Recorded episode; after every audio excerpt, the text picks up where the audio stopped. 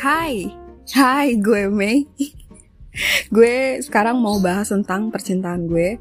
Percintaan gue sebenarnya gak ada apa-apanya, flat aja, gak ada hal yang uh bikin greget, gemes gitu, uh, uh itu gak ada.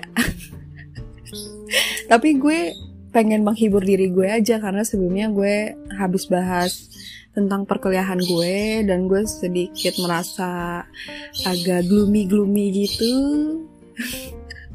apa sih agak yang uh, agak sedih gitu. Jadi gue pengen happy lagi gue mau bahas tentang percintaan gue aja yang sebenarnya gak kocak tapi menurut gue ya kocak aja karena sebodoh itu. Gak apalah namanya juga orang yang tidak berpengalaman. Ya percintaan gue sebagaimana tadi gue bilang flat nggak yang kayak di FTV nggak yang kayak di sinetron yang sampai berepisode-episode gitu percintaannya. Nggak.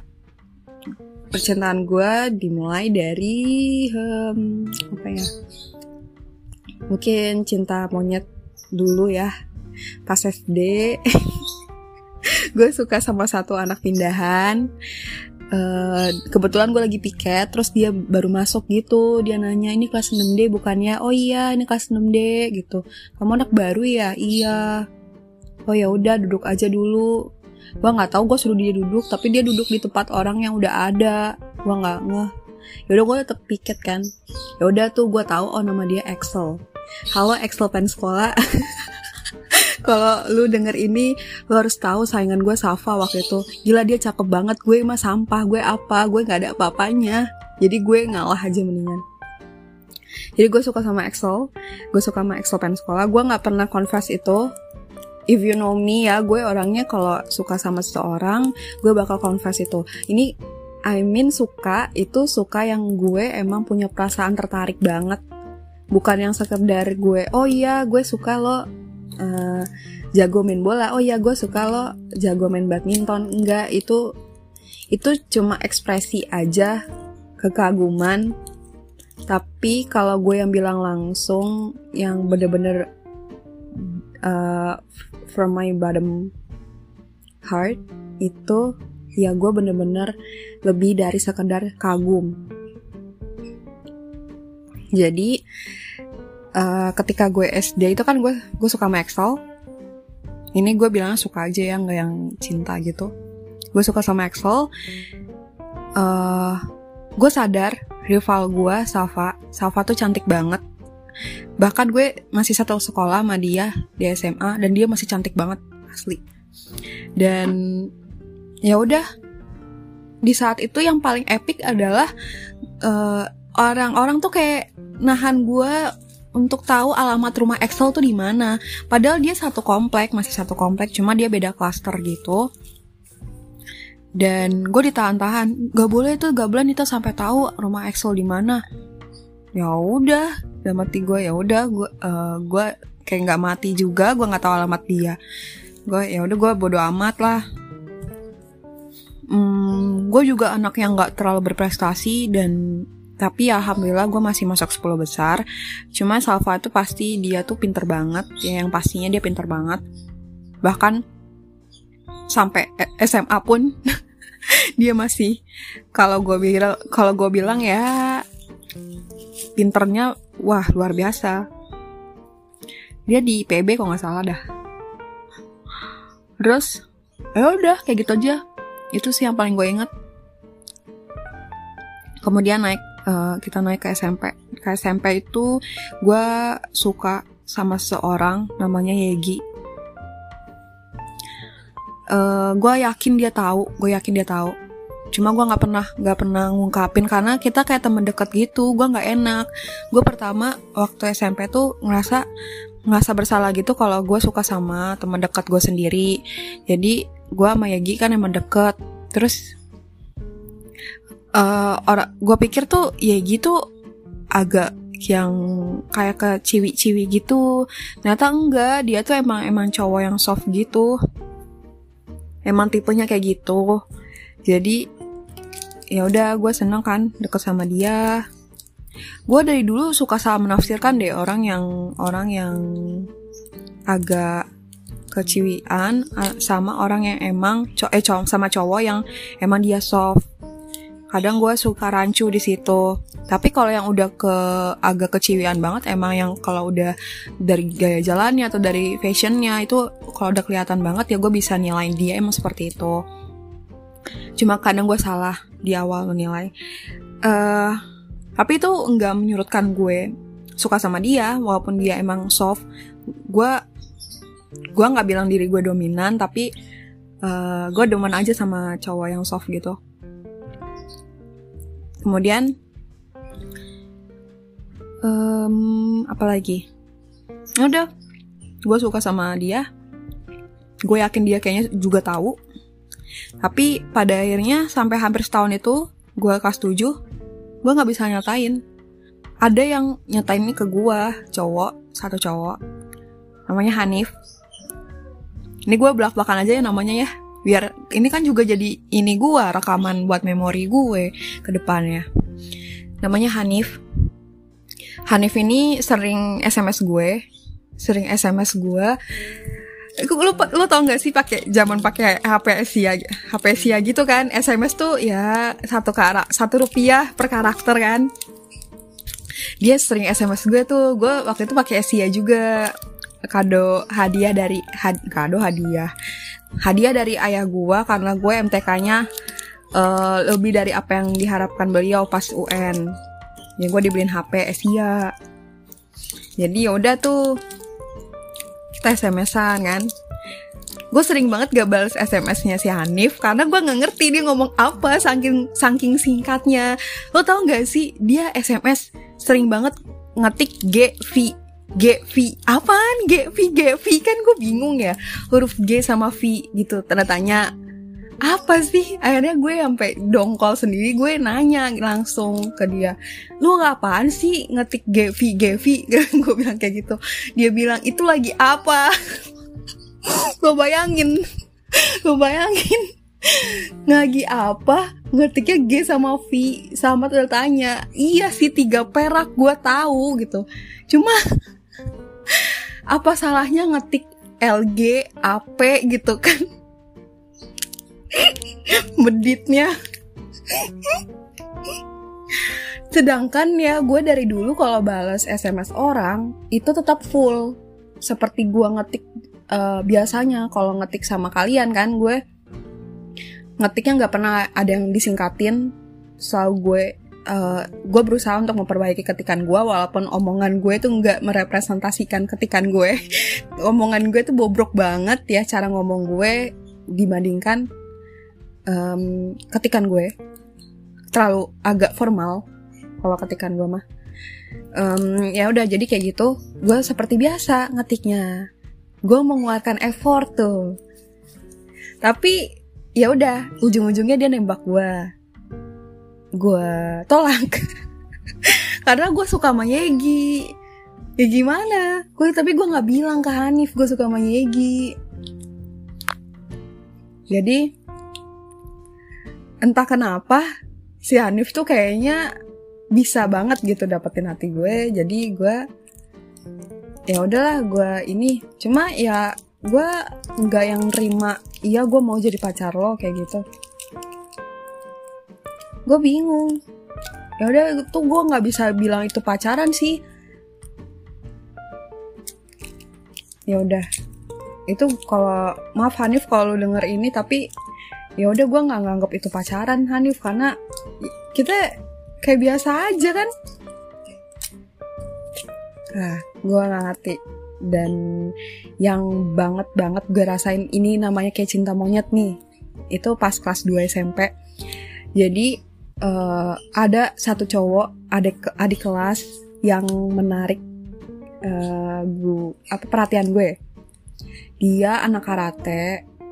Dia tinggi banget. Kenapa gue bisa tahu? Karena dia tinggi banget ya tinggi banget dan dia tuh jalannya tuh agak kayak condong gitu gue manggil dia tuh foto tropi eh foto apa gitu yang pokoknya tumbuhan yang uh, dia tumbuhnya mengarah ke arah matahari kayak gitu.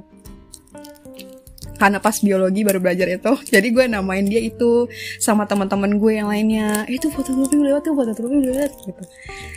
Dan ya udah uh, pertama kali gue ngecat dia gue ngeceng-ngecengin gitu. Eh lu suka ya sama Diva temen gue?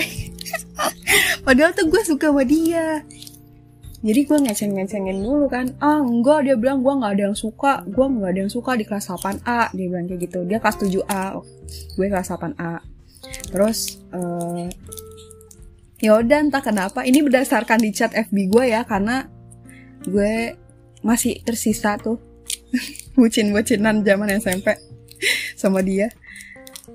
Uh, akhirnya entah kenapa bisa deket dan ya udah gue ngakuin aja itu itu hampir enam bulan lebih perasaan gue sama dia. Terus gue ngaku eh gue suka sama lo gitu. Terus gue gue kayaknya gue nembak dia deh. Iya gue nembak dia. Lo mau gak jadi pacar gue? Ya dia bilang ayo gitu. Mau gitu. Dan dia dan gue pacar pertama dia sayangnya waktu dulu tuh gue nganggap dia tuh bukan pacar pertama gue karena gue gue mikir gue mas oh ya dulu gue pernah sama Hanif. Sebenarnya dulu gue pernah. Sebenarnya tapi yang uh, pacaran yang pertama kali baru banget gue rasain tuh pas sama Fahri. Eh, sama iya itu I mean Fahri itu adik kelas gue yang gue maksud anak karate itu. Namanya Fahri gue sebelumnya tuh pernah pacaran melalui sosmed FB kenalan dari FB anaknya temen temennya teman SD gue. Namanya Bayu. Jadi kita cuma pacaran lewat SMS doang nggak pernah ketemu. Muka juga pernah lihat padahal satu komplek kan? Tapi ya udah itu jadi angin lalu aja kan nggak makanya nggak gue ceritain. Dan sekarang baru keinget. Ya udah itu udah. Dan yang gue anggap pacaran pertama kali itu sama Fari karena lumayan lah gitu dua bulanan ya. Dua bulanan lebih. Gue pacaran sama dia. Uh, awalnya sih gue yang bucin ya. Tapi entah kenapa pas pacaran kok dia yang bucin.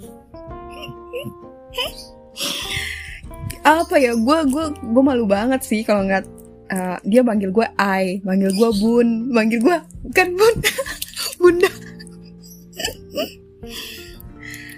Di komen-komenan tuh di FB kan suka ada momen ya, kenangan. Itu kalau status-status lama tuh dia masih komen I, masih kenapa I? jangan jangan gini-gini I, katanya. Di F, pesan FB juga masih ada manggil Bun, manggil manggil baby. Eh sumpah, Fahri kalau denger ini malu gak sih? Eh, kalau Fahri sih udah ngapus udah ngapus sih gue yakin. Karena di Twitter juga kita bucinan juga di Twitter. Cuma yang gue lihat dia udah ngapus itu. Gitu. Dan ya gue yakin udah dihapus juga lah kenang-kenangannya. Tapi dia sama gue masih satu followan. Masih mutualan di Twitter. Uh, terakhir ngubungin kapan ya? Tahun lalu nggak salah. Ya I, I mean nggak yang lama banget gitu. Nggak yang lost kontak gitu sama mantan. Terus uh, ya udah gue nggak pernah nggak pernah jalan jalan yang ke mall ke apa. Jalan gue pertama kali sama dia adalah jalan ke pangkalan angkot. Kita naik angkot bareng-bareng satu jurusan kan? Itu dia turun. Udah kelar itu doang. Kita jalan bareng gue suka dia karena selera musiknya sama sama gue. Nggak tahu ya selera selera musik tuh kayaknya lebih gampang banget menggayat hati gue. Lebih gampang banget I mean gini untuk mendapatkan uh, perhatian gue itu lo mudah banget kalau misalkan lo bisa seleranya sama sama gue. Atau gue menemukan satu satu aja gitu yang gue suka tapi lo juga suka juga gitu. Itu gue bisa kayak gitu. Itu nanti tercermin itu tercermin pas gue nanti gue jelasin di sekarang di tahun ini. Kemudian uh, setelah ke Fahri oh gue sempat ngasih dia hadiah dari Jogja karena gue study tour. Pagi-pagi tuh dia bela-belain tuh ke deket sekolah ya pagi-pagi gak salah gak sih? Iya gue beliin dia tas laptop batik sama apa kan gue ke Jogja ya. Udah gitu. Udah terus kita berantem. Bacot-bacotan gitu di habis dia nyindir gue. Ya dia nyenggol gue. Gue sebel juga kan ini mantan bacot banget gue. Dulu gue bilangnya kayak gitu. Terus ya udah. Sekarang fine aja terus uh, setelah itu pas naik kelas 3 gue belum bisa move on. Ya gue ceritanya gue masih belum bisa move on lah sampai gue SMA gue tuh sekali suka sama orang. Kalau gue emang kalau deep down gue emang beneran tertarik sama orang itu gue I mean gak yang bohong-bohongan gak yang cuma suka kagum biasa itu gue bisa sampai bertahun-tahun bisa sampai ya berbulan-bulan lah. Dan ya itu gue belum bisa move on sama Fari sampai gue naik SMA naik SMA itu gue suka sama temen sekelas gue. Itu itu cuma naksir biasa sih. Sama namanya Imam Imam Syamil. Dan gue sampai sekarang gue masih jalan sama dia. Belum lama ini gue lebaran habis lebaran tuh makan all you can eat. Bareng Rifda bareng A bareng bareng Ain bareng Imam. Kalau lo penasaran Ain itu yang kayak gimana lo bisa lihat di YouTube gue cara makan tidak normal. Itu Ain itu dia wibu. Uh, oke okay, skip. Nah terus gue demen sama Imam waktu itu. Dan bukan gue doang. Di kelas gue yang nama Imam. Uh, ada yang lain juga suka sama Imam. Kemudian udah sih ada anak pindahan dari sekolah yang sekolah pendeta gitu. Anak guru namanya Hugo. Namanya Hugo. Gue suka sama Hugo sampai titik penghabisan sampai penghabisan gue SMA gue demen sama dia. Dan itu sampai belum tersampaikan karena gue bahkan kayaknya gue nggak tahu eksistensi gue uh, apa hal yang sebenarnya harusnya tahu cuma di, dia nggak tahu nama gue siapa. Gue kenapa suka sama dia? Simple hal yang aneh menurut gue ya. Dia tuh kalau ketemu gue nyengir ketemu nggak ketemu gue doang ketemu orang-orang nyengir gitu loh.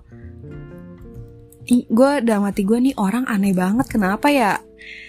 Ini sih yang kayaknya dirasain sama orang-orang luar negeri ketika or ketemu orang Indonesia yang ramah-ramah terus mungkin dalam hati mereka nih orang kenapa ya? Dan itu persis banget yang gue rasain ketika ketemu ketemu sama Hugo.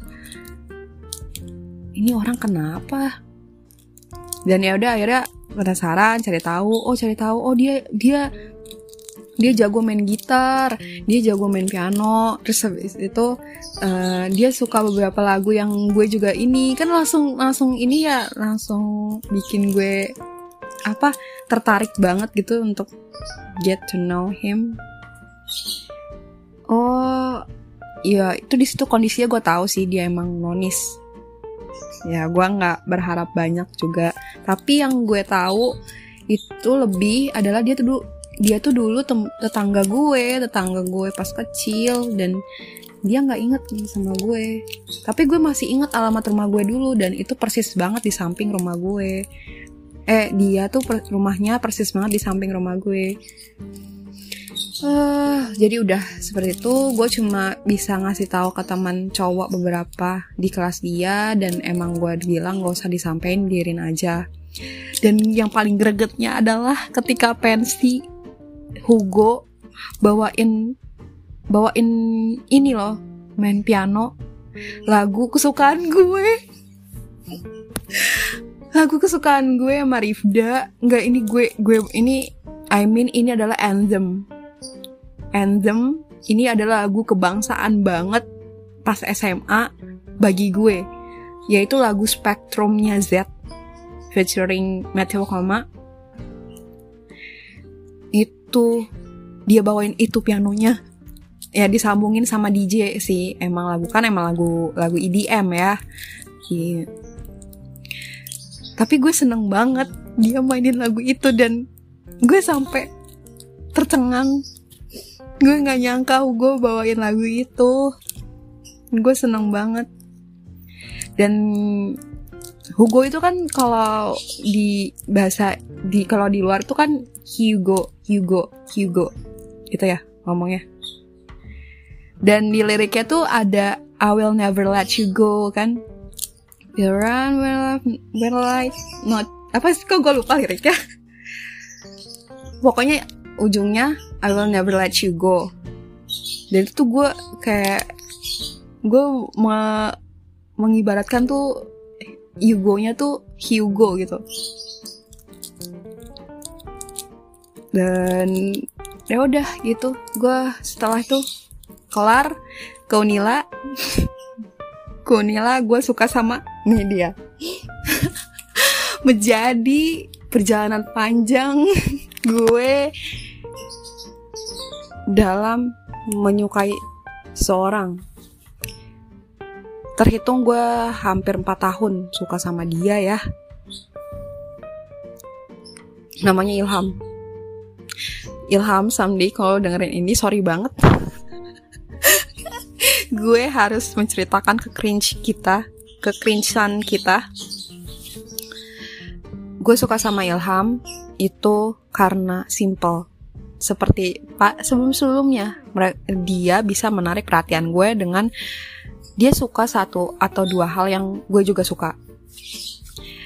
Jadi Ilham itu udah gue tahu itu saat dia nanyain siapa yang pernah ikut Olimpiade Astronomi pas di grup angkatan. Gue bilang gue dan bla bla bla blanya. Kemudian pas di kuliah kita baru deket gara-gara ospek kan. Dia melakukan hal yang cukup aneh, uh, stupid, uh, pokoknya itu weird, stupid. apa ya? Jadi dia tuh uh, disuruh tugas ngisi biodata dan dia bawa buku kosong doang. Kagak diisi apa-apa dan dia panik sepanik paniknya gue gue kasih lah buku gue. Dia ngisi biodata nulisnya malah biodata gue. Coba lo bayangin bukunya tuh buku dia terus baru pas di akhiran gue bilang kok biodatanya biodata gue? Lah dia juga dia juga kaget. Terus kita panik gitu nyari nyari tip X nyari label kan. Mana dia kagak bawa foto. Harusnya kan di atas biodata tuh ada foto diri ya. Terus gue nanya fotonya mana? Dia dia bilang nggak ada. Eh ada kita ketemu lagi. Itu kan nyari tanda tangan ya. Ketemu lagi tuh. Satu disuruh ngumpul gue lihat buku dia. Ya digambarin palanya upin ipin karena nggak ada fotonya kan di ituin dikoreksi sama cutting. Terus di situlah baru cerita-cerita tentang astronomi. Oh iya dia tertarik nih. Dia ada interest sama astronomi sama space sama inilah gitu. Oh iya gue juga bla bla bla bla bla bla. Kita akhirnya nyambung. Entah ya bener-bener mengalir.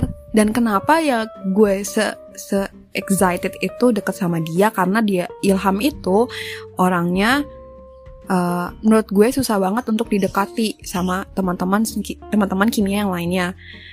Dia tuh orangnya pendiam, orangnya pendiam. Kemudian gak nggak yang pengen banget kontakan sama orang lain. Juga gitu. Menurut gue dulu tuh di awal-awal tuh dia pendiam, cuek, dingin parah ya tapi gue merasa dapat privilege banget ketika gue nyambung nih ngomong tentang alam semesta gitu sama dia. Dan akhirnya ke depannya kita bahas-bahas itu. Terus gue akhirnya tahu tentang dia yang lainnya. Dan gue ngerasa di pertengahan gue suka sama dia. Ya udah gue akhirnya ngaku lah saat di ulang tahun dia. Gue ngaku dia gue suka sama bla bla bla bla lu uh, you gave me massive impacts gitu. Gue inget banget sih kata-katanya. Masih ada screenshotannya tuh zaman 2016 dan ya sudah dia menolak. Dia menolak dia dia anggap gue seperti teman-teman yang lainnya. Dia bilang gitu. E, ya udah. Ya mau diapain lagi? Gue nggak berharap nggak berharap yang kita bakal pacaran tuh enggak cuma gue ingin mengungkapkan perasaan gue aja gue suka sama dia gitu.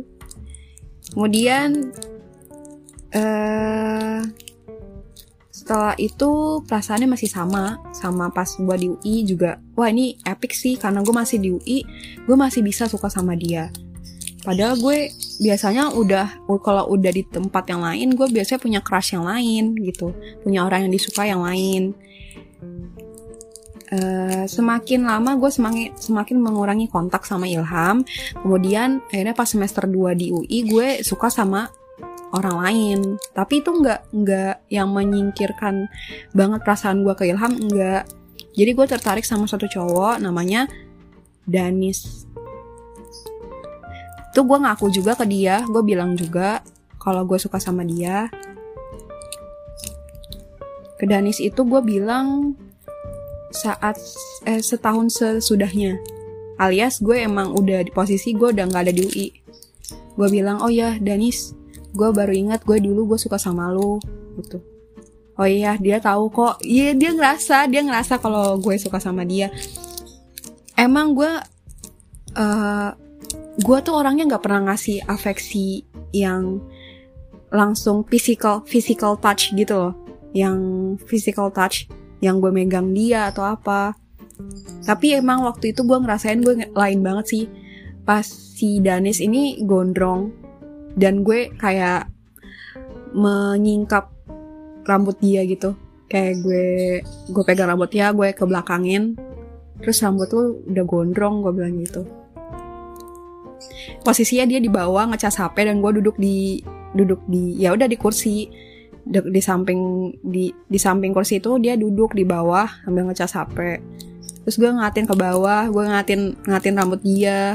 Jadi terus dia ngedongak gitu cuma diem aja kan. Dan ya dari situ gue baru sadar oh iya gue tertarik nih sama, sama si Danis. Gue bilang kayak gitu udah mati gue.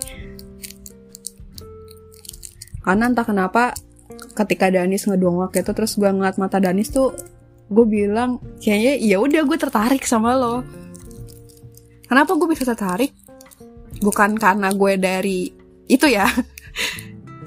Karena sebelumnya gue sempat diskusi beberapa kali sama Danis. Diskusi seru banget dan ada beberapa hal yang gue nggak nyangka itu dari Danis. Yang dia sempat inilah, itulah. Ya gue nggak bisa ceritain.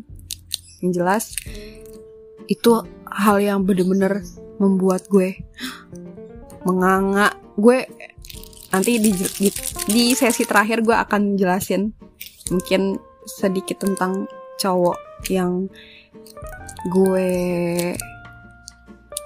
inginkan tuh seperti apa kurang lebih. Ini gue ngomong berdasarkan diri gue yang di 2021 karena gue nggak tahu ntar standarnya mungkin berubah uh, ke depannya. Hampir 30 menit gak apa lah. Uh, setelah itu gue balik lagi bahas Ilham ya. Karena ke Danis emang cuma sementara. Gue balik lagi gue masih suka sama Ilham sampai tahun 2019 dari 2016 tuh. 2019 lewat uh, apa? Sampai akhirnya dia confess sesuatu hal yang membuat gue menganga. Gue bilang dalam hati gue. Kenapa lo dalam hati gue. Kenapa sih dia eh, nggak uh, ngomong itu dari dulu aja? Jadi gue tuh nggak perlu nungguin dia. Padahal tuh Ilham tahu tahu perasaan gue sampai sampai detik itu juga tahu gitu. Gue udah ngomong uh, sebelumnya kan gue mempermasalahkan ini ya dari dulu. Cuma gue nggak pernah berani untuk ngomong ini ke si Ilham jadi belum lama ini gue ngobrolin serius tentang itu karena gue udah merasa siap untuk jawaban apa pun jawaban dia. Kalau dulu kan gue bakal merasa sakit hati banget karena gue masih ada perasaan. Jadi karena gue mumpung sekarang gue lagi tertarik sama orang lain, sepertinya ya, gue nggak tahu, gue ngerasa gue alay kayak gini, kayaknya gue lagi demen sama seorang. Cuma gue nggak tahu itu persisnya atau karena rambut gue gondrong, gue nggak tahu lah. Yang jelas gue udah siap kan sama jawabannya. Oh ya udah. Ternyata ada beberapa yang jawaban ada beberapa jawaban yang di luar ekspektasi gue dan akhirnya gue tahu yaitu ketika Ilham ngomong Ilham ngomong yang dia uh, seperti apa ya dia baru siap itu karena dia um, merasa emang udah kenal gue jadi butuh tiga tahun itu untuk merasa mengenal gue gitu. Gue nggak nyangkanya itu. Cuma ini mungkin gue yang salah menafsirkan. Tapi ada ya beberapa jawaban dari dia yang gue tidak menyangka lah gitu. Uh, ya dia confess sesuatu ta tahun 2019 akhir dan itulah yang membuat gue ya gue mau nggak mau emang harus move on nggak ada pilihan lagi gue messed up banget sampai tahun 2020 awal ya. Dan itulah saat masa masa gue udah menerima. Kalau di si ada kan siklusnya gitu kayak lo lo apa down gitu. Lo depresi sedih lo marah dan kemudian lo bangkit. Itu kan ada siklusnya. Dan gue rasa itu adalah waktu yang dimaksud. Gue bangkit gue merasa gue udah siap untuk move on. Apa pun caranya ya udah gue merasa move on. Dan gue merasa move on itu saat gue udah bisa bilang kalau lo adalah teman dekat gue. Karena itu yang diharapkan sama Ilham. Ya gimana pun juga kita tetap teman dekat kan. Close friend. Jadi ya udah itu. Dia Ilham itu close friend gue sampai sekarang Oke, sekian dulu dari gue tentang percintaannya yang gak jelas, super gak jelas. Um, untuk tahun ini kayaknya gue lanjut di rekaman selanjutnya aja deh. Itu sekalian sama pembahasan yang mau gue bahas yang lainnya. Um, sekian dulu, bye.